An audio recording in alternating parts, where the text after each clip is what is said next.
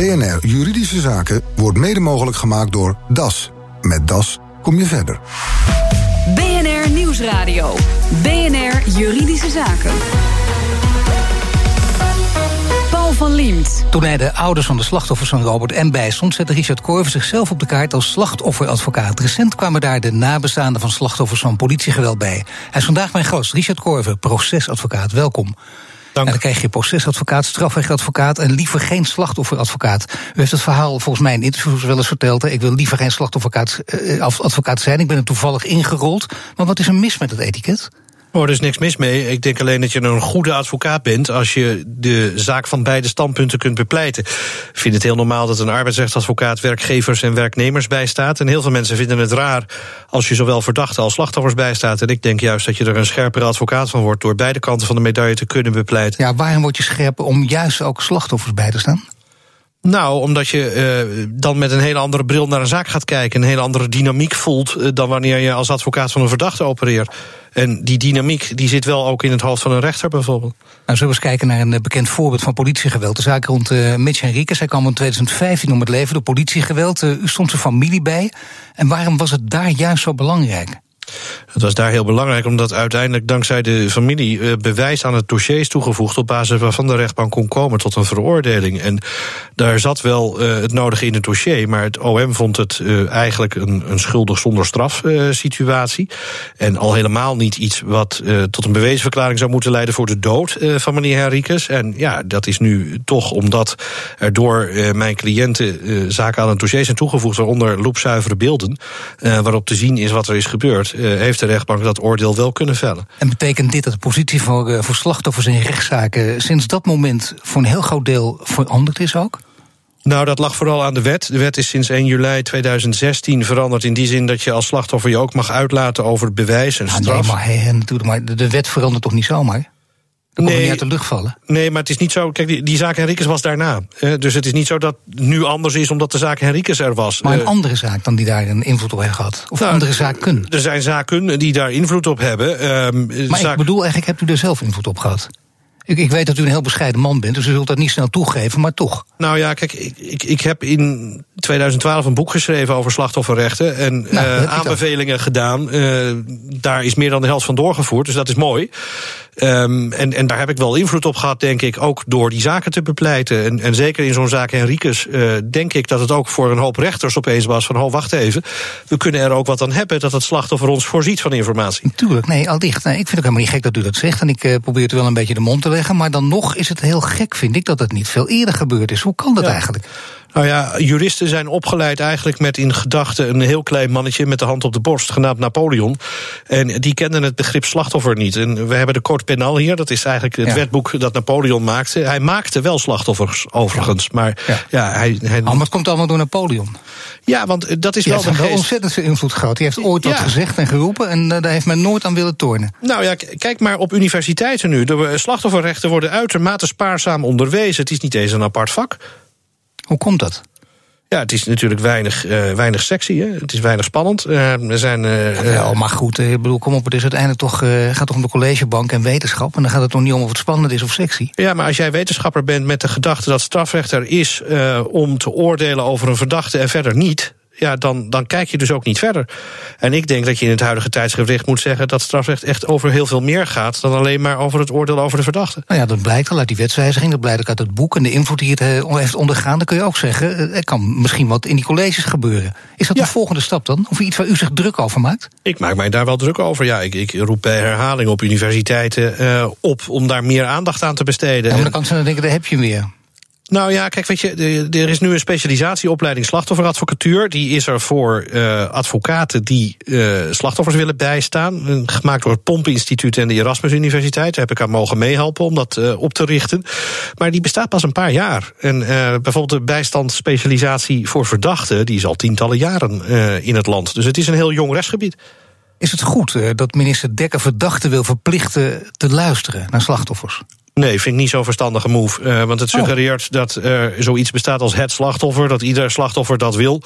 Kijk naar deze week, de zaak van Michael P. Um, die ouders die wilden helemaal niet geconfronteerd worden met die verdachte. Uh, dus die waren blij dat dat niet moest. Uh, hij moest wel luisteren, overigens, heb ik begrepen, via een aparte videoverbinding. Maar hij zat niet in dezelfde zaal als waar zij waren. Nee, soms is het wel goed. In het voorbeeld van, van Mitch Henriquez heeft u zelfs, geloof ik, drie uur gesproken, of niet? Ik heb uh, geen stopwatch bij de hand, maar uren. Uh, over, ja. Uren lang. Ja, toch wel, ja. ja. Ik kan me niet zo voorstellen dat u, dat u uren praat. Maar uh, drie uur lang, ik bedoel, je kunt ook denken dat heeft geen zin. Ik bedoel, mensen luisteren daar niet naar. Die tijdspannen is er niet. Die nou, aandachtspannen. Ik, ik, denk dat dat heel veel zin heeft gehad, want het Openbaar Ministerie wilde geen veroordeling en, en al helemaal geen straf. Uh, zeker niet voor de dood. En ja, dat is wel gevolgd. Uh, dus ik denk dat dat heel veel zin heeft gehad. Ja, nee, maar goed, gezien de aandachtspannen, dan kun je denken, schrijf het op, op twee A4'tjes bijvoorbeeld. Uh, zet het in een vlammen betoog neer van bijvoorbeeld 40 minuten, wat al lang genoeg is. Maar drie uur. Ja, maar die zaak die kende heel veel facetten, had meerdere verdachten. Uh, er zaten bewijsproblematiek in, kwalificatieproblemen in. Uh, juristen hebben dan toch de neiging om dat tot achter de komma uit te leggen. Dat is wel een beetje ons werk. En ja. uh, we komen graag in studio's als deze om u dat in korte soundbites dan nader toe te lichten. Wat ik maar mee bedoel te zeggen, de advocaat behoort te spreken. Zeg, ja, ik wil u even de tijd geven, uh, maar dat, dat duurt kort. Ja, nee, maar kijk, weet je, je, je moet je betoog wel aanpassen op uh, de toehoorder. En er ja. was heel veel uit te leggen ja. daar waarom het bewijs anders moest worden geduid dan dat het Openbaar Ministerie dat in die zaak deed. De verplichting, u gaf net een goed argument natuurlijk ook, hè, waarom dat niet altijd fijn is, dat slachtoffers dat vaak niet willen, soms een confrontatie ook juist uit de weg willen gaan of er geen zin in hebben. En u noemde ook Michael P., uh, haar vader, die schreef, de, de vader van Anne Faber. Die schreef een emotionele brief waarin Irinus Otte ter verantwoording roept. En Irinus Otte was destijds de raadsheer. Mede verantwoordelijk eh, voor het feit dat, dat P voor eerdere verkrachting werd veroordeeld. Maar dus geen TBS kreeg. Is dat, is dat een goede stap? Hem er persoonlijk op aanspreken? Nou, op zich niet, uh, want hij kan niet terugpraten. Hè. Een rechter spreekt via zijn vonnis en niet uh, daarna. Bovendien is hij geen rechter meer, maar werkt hij nu voor het Openbaar Ministerie. Dus dat is allemaal complex. Aan de andere kant, het heeft wel een enorme discussie ontketend. En reacties ontketend, hè, onder meer van de uh, president van het Hof. en ik denk dat dat goed is. Ik denk dat het heel goed is dat juristen die in dit rechtsbedrijf werkzaam zijn... Ja, verantwoording afleggen aan de ja, maatschappij. Een van de reacties was ook dat Michael P., en dat viel me ook al op... heel makkelijk wegkwam met opmerkingen als... ik kan me dat niet herinneren. Ja, maar wat. wat uh, maar zelfs een minister in een interview komt er niet mee weg. Maar Michael P. komt er dan wel mee weg? Nou, ik denk dat we hebben gehoord. Uh, het is ook nog gewoon uitgezonden. dat de rechtbank hem nu echt aan een kruisverhoor heeft onderworpen. heel veel vragen heeft gesteld. Uh, hoe maar dat... dan nog? Nou ja, dat het moet... kan niet harder dan dat. Uh, nee, want wij kennen het uh, tortuurverbod, of met een duur woord het verbod op marteling. Want dat is de volgende stap. Hè, dat je denkt van nou, dan slaan we het er maar uit. Uh, ja, dat deden nee, we dat voordat Napoleon kwam. Voor de duik, daar bent u niet voor, hè? Daar ben ik niet voor. Ja, maar nee. je weet het nooit. Nee, maar u bent wel voor om toch een, een kruiswoord, iemand aan een kruiswoord te onderwerpen. En het misschien op een betere manier te doen dan dit. Want het is niet alleen een kwestie van harde vragen, maar misschien ook een kwestie van goede vragen stellen. Ja, een slimme vraag in de juiste volgorde. Um, en, en daar kunnen we nog wel wat scheppen, ontregelen, zou dat iets meer mogen? Wat, wat mij betreft wel. Maar daar kunnen wij, zegt u, nog wat leren. Maar in welke zin van wie dan? Nou, bijvoorbeeld van mensen in het buitenland. Uh, Anglo-Saxische landen die kennen het begrip cross-examination. Ja. Uh, ja, dat kennen wij in Nederland helemaal niet. Wij worden echt geacht geduldig op onze beurt te wachten. Uh, dat heeft veel meer het level van de Fabeltjeskrant. allemaal wachten op je beurt totdat je wat mag zeggen. Ja. En ja, je kan je voorstellen dat als je dat wat sneller doet... dat je misschien ook wat andere resultaten boekt. Maar hoe komt dat, dat wij nog steeds op dat Fabeltjeskrant niveau zitten? Ja, dat ligt een beetje aan ons rechtsstelsel en het behoudende karakter daarvan. Uh, rustig veranderen, niet zomaar weggooien wat je hebt, uh, et cetera. Kunnen we dan even naar de politie kijken? Naar het politiegeweld uh, weer in de zaak uh, Mitch Henriquez. Uh, hij is niet uw enige zaak. Het komt vaker voor als het ook gaat over politiegeweld. Kun je je voorstellen dat de politie op dat gebied de zaakjes in Nederland gewoon niet op orde heeft? Um, nou, ik, ik, vind dat er een heel raar uh, mechanisme is in Nederland om naar dat soort zaken te kijken. Ik vind ook niet dat dat echt compleet onafhankelijk gebeurt. Gebeurt door de Rijksrecherche onder leiding van het Openbaar Ministerie. Hetzelfde Openbaar Ministerie dat normaal gesproken de politie aanstuurt. Ik zou liever zien dat dat echt compleet onafhankelijk is. Dat er ook wat meer capaciteit voor is. Als je kijkt hoeveel mensen er bij de Rijksrecherche werken. En je gaat er dan vanuit dat gemiddeld genomen één op de vijf van die mensen met vakantie is. Uh, en één op de vijf van die mensen ziek, zwak of misselijk is. Uh, of op cursus. Dan houdt het in uh, dat je zo'n 60% overhoudt. Die moet je verdelen over 24 uur per dag, 7 dagen per week. En dan hebben we een bezetting van, ik denk, ongeveer 3 à 4 politiemensen per provincie. Nou ja, dan gaan de alarmbellen toch rinkelen, want dan heb je echte zaakjes niet op orde. Dat kan niet met zo weinig mensen. Nou ja, heb jij de politiek erover gehoord? Ik niet. Uh, en, maar hoe kan dat? nou, het heeft, want je hebt toch vaak advocaten die dan heel handig lobbyen... en die, die misschien dan toch steek laten vallen? Of, of daar zelf geen tijd voor hebben? Nou ja, de, de, dat is denk ik ook een punt. Uh, ik bedoel, ik kan echt niet een leeuwendeel van mijn tijd gaan besteden aan lobbywerk. Ik kan alleen maar signalen afgeven in, in procedures en af en toe eens een keer in de studio als hier. Maar ik denk dat het dringend nodig is dat er überhaupt naar politiegeweld en de uitoefening daarvan en ook de opleiding van die mensen uh, beter wordt gekeken. Straks, lijkt het alleen zo of heeft mijn gast ook een neus voor zaken die goed scoren in de media? BNR Nieuwsradio. Juridische Zaken. Op de website van zijn kantoor schrijft hij dat hij goed weet hoe de media in te zetten. Met enige regelmaat zie je hem er ook verschijnen. Grootste recente voorbeeld is de zaak rond Mitch Henriquez. Advocaat Richard Korver is mijn gast. Ja, media, gevoelige zaken, zaken waar mensen wat van vinden. Ik zal er één uh, aanhalen. U staat uh, ook een Surinaamse bij die haar eethuis in Hilversum... in haar eethuis daar eigen rechter speelde. Het is wel handig om eerst even precies te vertellen wat er aan de hand is. Want eigen werkt, rechter is werkt u voor het Openbaar Ministerie? Want die vindt dat, dat zij eigen rechter speelt. Ja, hoe weet u dat? Uh, ik vind het niet. Ik vind dat zij zichzelf uh, en haar personeel en haar kind heeft verdedigd... tegen jongelui die haar belagen. En ik vind eerlijk gezegd die beslissing van het Openbaar Ministerie... om haar te vervolgen onbegrijpelijk. Nee, maar dat was de aanklacht bijna, hè, van dat ze dan eigen rechter speelde. Wat was er gebeurd, geloof ik? En wat, wat is er precies gebeurd? Nou ja, zij had al geruime tijd last van hangjeugd. En ze krijgt op een gegeven ogenblik, terwijl ze haar kindje uit de auto haalt... mandarijnen in haar nek dus ze brengt haar kind in veiligheid, pakt een stok van een dweil, loopt naar buiten, gaat verhalen halen bij die jongens. Die dat gaan filmen en die haar gaan uitschelden. Kankernegerin, ga in je boom en vergelijkbare teksten. Dat wordt vervolgens door de heren op internet gezet. De heren zijn ook nog dezelfde middag het gezwinde spoed naar het politiebureau gegaan met open armen ontvangen om aangifte te doen van mishandeling. En toen mijn cliënten vervolgens aangifte wilden doen van discriminatie, werd dat in eerste instantie geweigerd. En werd gezien ook verder als pesten en treiteren. En uh, heen en weer, pesten heen en weer, over en weer, uh, heeft de burgemeester gezegd. Is mijn cliënt erg boos over geworden. Uh, want zij heeft helemaal niet gepest. Ze heeft zichzelf verdedigd, niks meer en maar niks dan die kwestie van eigen rechten. Want wat is eigen rechten? Als je iemand al vastpakt en, en bijvoorbeeld een, een kledingstuk scheurt daardoor... dan ja. is het al eigen rechten spelen. Nou, dat hoeft helemaal niet. Als, als jij iemand vastpakt waarvan je ziet dat hij iets steelt bijvoorbeeld... dan mag je dat doen. Dat is een staande houding op heterdaad. Er is niks mis mee. Nee, dat weet ik. Maar ik bedoel, ik probeer nu even echt inderdaad aan de andere kant te gaan staan. En stel nu dat ik het probeer zo scherp mogelijk te spelen. Wanneer is het dan... Als je eigen richting gaat doen. Als je bijvoorbeeld vindt dat uh, meneer Wilders allerlei discriminatoren taal uitslaat. en je bent het zat. en je denkt, nou, ik ga eens even verhaal halen. ik sla ze ramen in. Dat is eigen richting. Is het belangrijk om bij, bij zaken die, die u doet, u zet het niet voor niks op de website, misschien met een lichte knipoog, dat ik er overheen gekeken heb, maar toch, u zet het op de website ook. Is het belangrijk om de media in te kunnen zetten? Nou, voor sommige mensen wel. Uh, soms ontstaat er bijvoorbeeld een heel negatief beeld over jezelf. Uh, neem de antiradicaliseringsambtenaar hier in Amsterdam. Uh, die is ontslagen met heel veel bombardie. Die vrouw die heeft wekenlang in de media gestaan met de meest wilde beschuldigingen. Ik ben haar advocaat. Ja, wat hebben we nu over van die beschuldigingen? Mogelijke medeplichtigheid of medeplegen van valsheid in geschrift schrik niet. Drie facturen. Ja. En er is haar echt van alles en nog wat is haar verweten. Ja, ik vind dat heel ernstig. En dan is het denk maar ik heel... drie facturen een ton of kleine facturen? Nee, dat zijn uh, kleinere bedragen. Wat voor bedragen? Uh, ik, ik, denk dat dat alles bij elkaar uh, ongeveer 50 à 60.000 euro zou beslaan. Nou ja.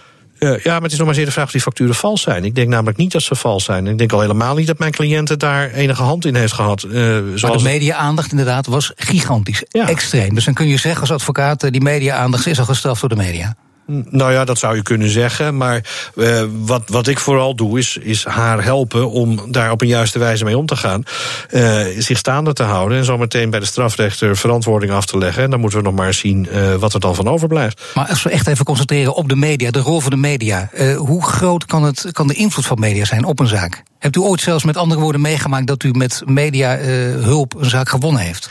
Uh, ja, en uh, laat ik als voorbeeld de zaak van meneer Henriques nemen. Door alle media-aandacht in die zaak wisten bepaalde tipgevers mij ook te vinden. Waardoor ik uiteindelijk bepaald bewijs kon verkrijgen. Nou, als we het dan goed gaan vinden dat het Openbaar Ministerie journalisten afluistert. en dus op die manier mensen hinderen om klok te luiden.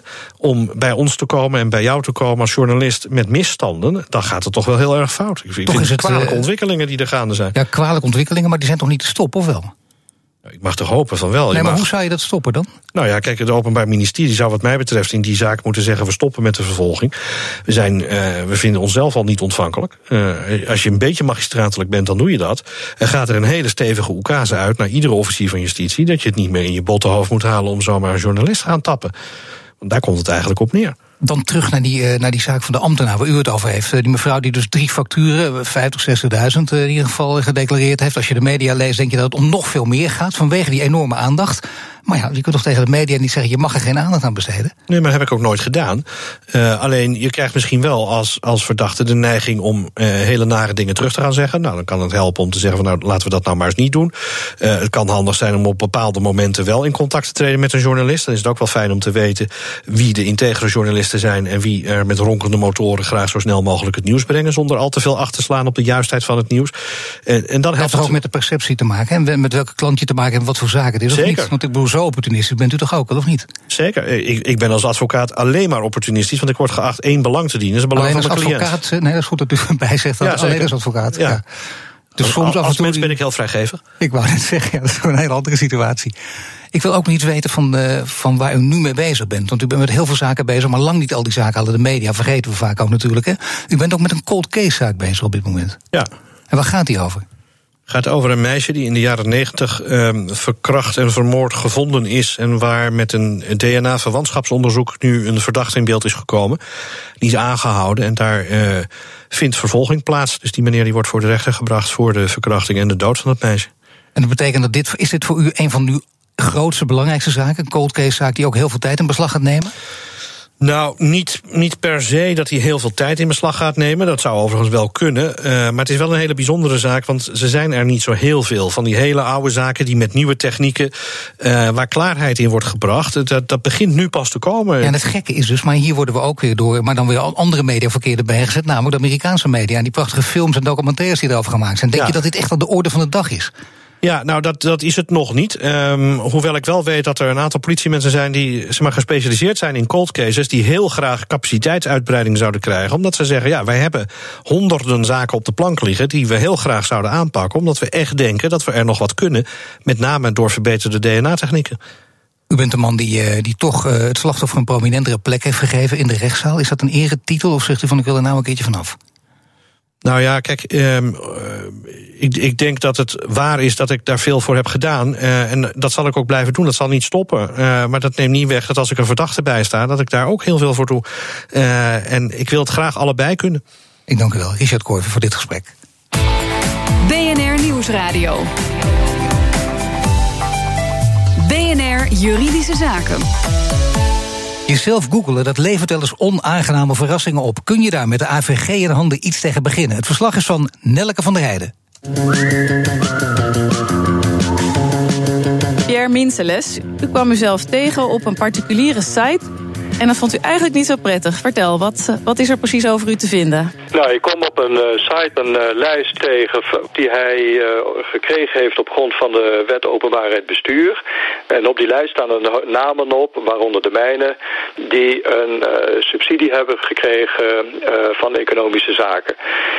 Op de eerste plaats heb ik die subsidie nooit gekregen. Dat vind ik al de ene kant. Maar al had ik hem gekregen, ik vind dat belastingzaken, subsidiezaken en dergelijke, dat dat niet in de openbaarheid uh, moet komen, omdat dat, ja, ik ben een privépersoon en ik vind dat een, uh, ja, een aantasting van de privacy. Dus met de AVG in mijn achterhoofd heb ik die man een brief of een uh, mail gestuurd om te verzoeken die mijn naam van de lijst af te halen.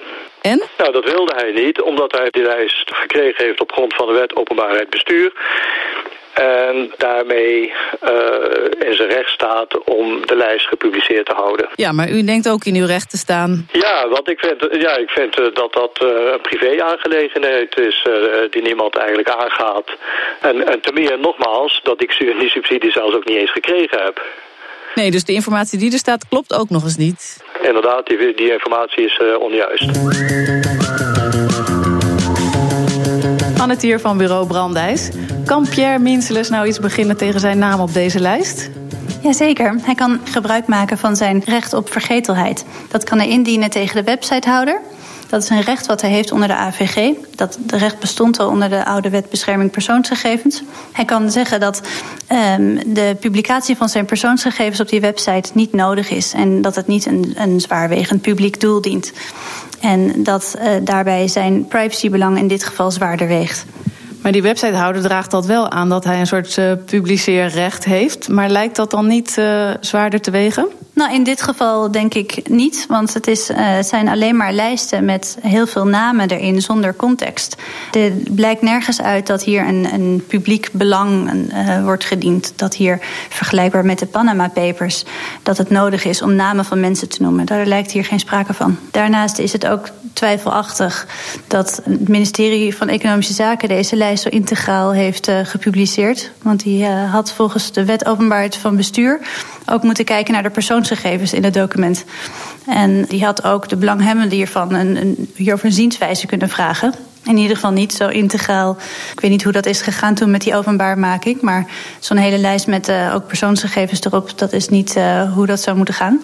En dat geeft ook geen excuus voor uh, iemand anders om dan die hele lijst ook weer integraal te publiceren. Die moet daar zijn eigen afwegingen in maken. En je moet zelf zorgen dat het aan de wet voldoet. Oké, okay, dus hij lijkt inderdaad in zijn recht te staan. Wat kan hij doen als de websitehouder toch die naam niet wil verwijderen? Dan kan hij het afdwingen bij de rechter om zijn gegevens te laten verwijderen. Daarnaast kan hij een klacht indienen bij de autoriteit persoonsgegevens. En hij kan ook heel praktisch een verwijderverzoek indienen bij Google. Dat die bron niet meer gevonden wordt als je zijn naam intoetst bij Google. En daarbij is het een tip om bewijs ook aan te leveren van de, de onjuistheid van zijn gegevens. Dat zegt Anne Tier in een verslag van Nelke van der Heijden. De eigenaar van de website zegt dat openbaar voor één openbaar voor iedereen is. En dat dat het idee van de wet openbaar bestuurd is. Als de luisteraars het naam van de lijst wil, moet hij volgens deze eigenaar bij het ministerie van Economische Zaken zijn. Heeft u ook een juridische vraag? Mail hem naar juridischezaken.bnr.nl. Dit was de uitzending van vandaag. U kunt de show terugluisteren via bnr.nl slash juridische zaken. Mijn naam is Paul van Diemt. Tot de volgende zitting. BNR Juridische Zaken wordt mede mogelijk door DAS. Met DAS kom je verder.